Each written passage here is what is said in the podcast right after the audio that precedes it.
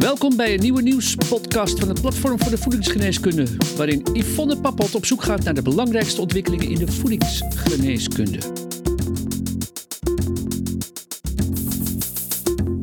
Hallo luisteraars, welkom weer bij de wekelijkse nieuwspodcast van Voedingsgeneeskunde. Met deze podcast inspireren we jou over de rol van leefstijl, voeding en specifieke nutriënten in relatie tot gezondheid en ziekte. Ik ben Yvonne Pappot en vandaag ga ik met Andrea van Vuren in gesprek over soja. Een belangrijk onderwerp weer, Andrea. Welkom. Dankjewel, Yvonne. Soja is afkomstig van de sojaboon. Van deze peulvrucht worden sojaproducten zoals tofu, tempeh, sojaolie en sojamelk gemaakt. Soja is rijk aan eiwit, onverzadigd vet en bevat ijzer en vitamine B1. Er is veel onderzoek gedaan naar sojagebruik in relatie tot onze gezondheid. Bijvoorbeeld uh, bij hormoonproblemen, kanker of mineralendeficiënties, evenals de genetische modificatie van soja. Uh, Andrea, is bekend eigenlijk in hoeverre mensen in Nederland soja eten? Ja, zeker. Dat is bekend en dat is ook best wel heel verrassend. Naar schatting consumeert de gemiddelde westerse veganist 10 tot 12 gram soja-eiwit per dag. En dat kun je gelijkstellen aan 350 milliliter sojamelk. En dat komt weer overeen met het eten van 11 kilo soja per jaar. Mensen die geen veganist zijn, maar gewoon dierlijke producten eten, die eten ook soja, maar dan op een indirecte manier. Want om bijvoorbeeld een kilo kip te produceren is meer dan 600 gram soja in de vorm van kippenvoer nodig. Zo. Dus een gemiddelde alleseter, en nu komt die, die consumeert ongeveer drie keer zoveel soja als de gemiddelde veganist. Namelijk ruim 30 kilo soja indirect via het voer van dus kippen, varkens, koeien en ja, ook kweekvissen krijgen soja als voer. Zo, ik denk dat weinig mensen zich realiseren dat, uh, dat het zoveel is. Uh. Dat denk ik ook. En je hoort veel over genetische modificatie van soja. Hoe zit dit nou precies? Ja, dat is wel handig om te weten, want ik wist dat ook niet precies uh, welke soja nou genetisch gemodificeerd is en welke niet. Maar meer dan de helft van de wereldproductie van sojabonen is genetisch gemodificeerd. En als je uitgaat van 30 kilo veevoer per persoon per jaar voor vleesproductie, is het waarschijnlijk dat de gemiddelde Nederlandse alleseter indirect zo'n 15 kilo genetisch gemodificeerde soja binnenkrijgt, dus via vlees en gevogelte en vissen.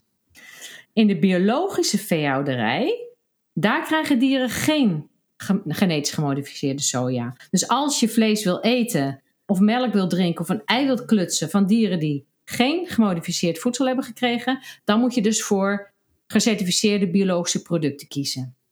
En sojaproducten die direct uh, bedoeld zijn voor menselijke consumptie, die zijn meestal niet gemaakt van genetisch gemodificeerde soja. En elk product dat dus uh, dat wel bevat, wat je direct eet, dat moet op het etiket vermelden dat er genetisch gemodificeerde soja in zit. Dat is Europees geregeld. Uh, vanuit soja worden ook fytoöstrogenen geëxtraheerd. Hè? Die zijn ook verkrijgbaar als supplement. Uh, wat kun je daarover zeggen? Ja, daar komt eigenlijk ook uh, het idee vandaan dat je eigenlijk niet te veel soja zou moeten eten. Want soja bevat zogenaamde fytoöstrogenen. En dat zijn stoffen die van nature voorkomen in bepaalde planten. En die overeenkomsten hebben met het vrouwelijke hormoon Oestrogeen, vandaar de naam fytoöstrogenen. Worden ook wel plantaardige oestrogenen genoemd. En die kunnen daarom in het lichaam van mensen en dieren zich gaan gedragen als oestrogenen. En die komen dus niet alleen voor in soja, hè, bijvoorbeeld in tofu of sojamelk, maar ook in lijnzaad, sesamzaadjes, pinda's en ook in sommige kruiden en specerijen. En die in, uh, in soja, dat zijn dan zogenaamde soja-isoflavonen. Ja, dus die staan bekend om een hormonale werking. Ja. kun je ook ons kort een update geven vanuit de wetenschap? Uh, het is nogal verwarrend en tegenstrijdig. Want sommige studies die zeggen... Um, als je soja-isoflavonen dus uh, geëxtraheerd zou gebruiken hè, als voedingssupplement... dan kunnen ze helpen bij het verminderen van opvliegers... bij allerlei symptomen van de menopauze, maar ook bij het verlagen van cholesterol en het verminderen van de kans op bepaalde vormen van kanker. Maar zoals ik al zei, zijn er ook zorgen over een inname van veel fytoestrogenen, omdat die hormoonbalans zou kunnen verstoren. Uh, maar daarbij moet je dus bedenken dat fytoestrogenen, in dit geval dus die soja-isoflavonen, slechts een duizendste tot een honderdduizendste van de activiteit van oestrogeen hebben in vergelijking tot het menselijk oestrogeen. En hm. dat zou dus ook een voordeel kunnen zijn, want de theorie is dat als die soja-isoflavonen, dus die fytoestrogenen, zich binden aan receptoren voor oestrogeen in het lichaam, dat ze dus de receptoren voor, die, uh, voor het normale oestrogeen bezetten en dan eigenlijk een veel zwakker oestrogeensignaal geven, omdat het signaal maar een duizendste tot een honderdduizendste is van het menselijk oestrogeen. En dat is dan misschien ook wel de reden dat uit onderzoeken blijkt, vooral uit cohorten, dat in landen als Japan, China en Thailand en Indonesië, dus Aziatische landen, die bekend staan om hun hoge soja-inname, dat daar veel minder borstkanker voorkomt en dat mensen veel minder last hebben van uh, bijvoorbeeld uh, menopauzesymptomen. Dus aan de ene kant tonen studies aan dat mensen die de meeste isoflavonen consumeren een lager risico hebben op borstkanker. Aan de andere kant zijn er bijvoorbeeld ook weer dierstudies die zeggen ja, fytoestrogenen die kunnen juist het risico op borstkanker verhogen. Maar dat kan er ook mee te maken hebben dat dieren geen mensen zijn. Dus uh, het is nog twijfelachtig. En verder onderzoek zal nog moeten uitwijzen hoe fytoestrogenen het risico op borstkanker beïnvloeden. En soms zie je toch op uh, verpakkingen staan dat bijvoorbeeld mensen met hormoongevoelige borstkanker beter geen soja-isoflavonen kunnen gebruiken. Anderen zeggen ja, juist premenopausale vrouwen, dus die nog volop oestrogeen produceren, die zouden zich juist kunnen beschermen, dus preventief, tegen borstkanker, omdat ze eigenlijk het oestrogeensignaal van het lichaam kunnen afzwakken. Ja, dat maakt het lastig om tot een concreet advies te komen. Ja, zeker. Ja, zou je toch, toch een, tot een advies willen komen qua dosering van soja, zowel als voedingsmiddel als als supplement, zeg maar? Wat is een veilige dosering? Ja, er is geen officieel vastgestelde eh, veilige dosering of maximale dosering.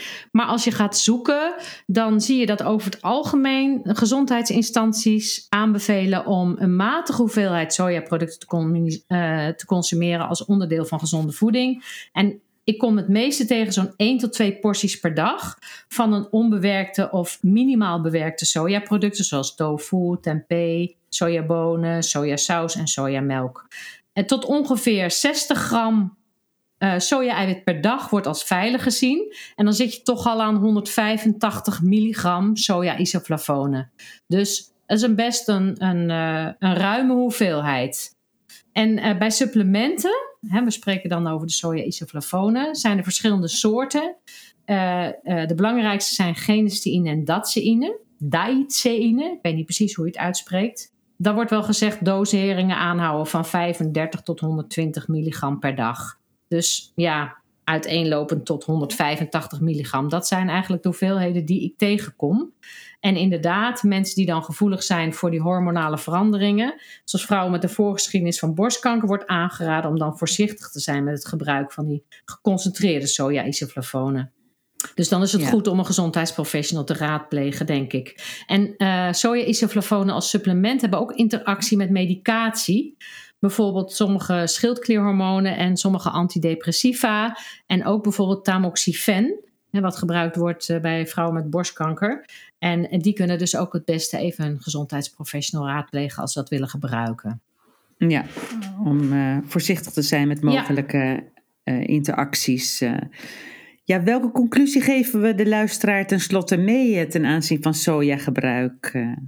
Ja, dat is echt mijn motto altijd. Hè. Varieer gewoon zoveel mogelijk. Overdrijf niet. Soja is een hele goede eiwitbron. Hè. Dat hebben we het ook al over gehad in de aflevering uh, van de plantaardige melkvervangers. Sojamelk is eigenlijk de enige die zich kan vergelijken met gewone melk qua eiwitsamenstelling.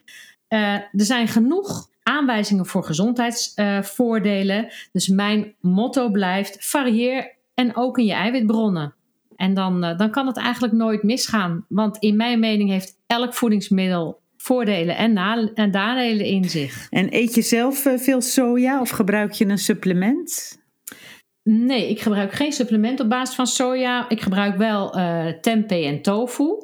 Eh, en indirect als ik wel eens vlees eet natuurlijk. En jouw woord eh, van de week? eh, Ja, ik maak er toch meestal stiekem een zin van. Maar wat mij het meest is bijgebleven uit informatie over soja is... we consumeren meer soja dan we denken. Ja, dat is duidelijk geworden. Plantaardig is mijn woord van de week. Nou, Andrea, bedankt weer voor dit eh, boeiende gesprek over soja. Heel graag gedaan. Voor voedingsgeneeskunde heb je ook een artikel over dit onderwerp geschreven. En dit is gratis te lezen via de website. Ook de luisteraars bedankt voor de aandacht. Volgende week is er weer een nieuwspodcast. Graag tot dan. Via vakblad, website, podcasts en een jaarlijks congres biedt voedingsgeneeskunde al meer dan 20 jaar professionele en wetenschappelijk onderbouwde kennis. Gratis voor niets, het laatste nieuws in je inbox. Schrijf je dan in voor de wekelijkse nieuwsbrief op www.voedingsgeneeskunde.nl. Redactie en productie Yvonne Papot. Techniek Sjoerd Kaandorp. Voedingsgeneeskunde is een project van uitgeverij Media Medica.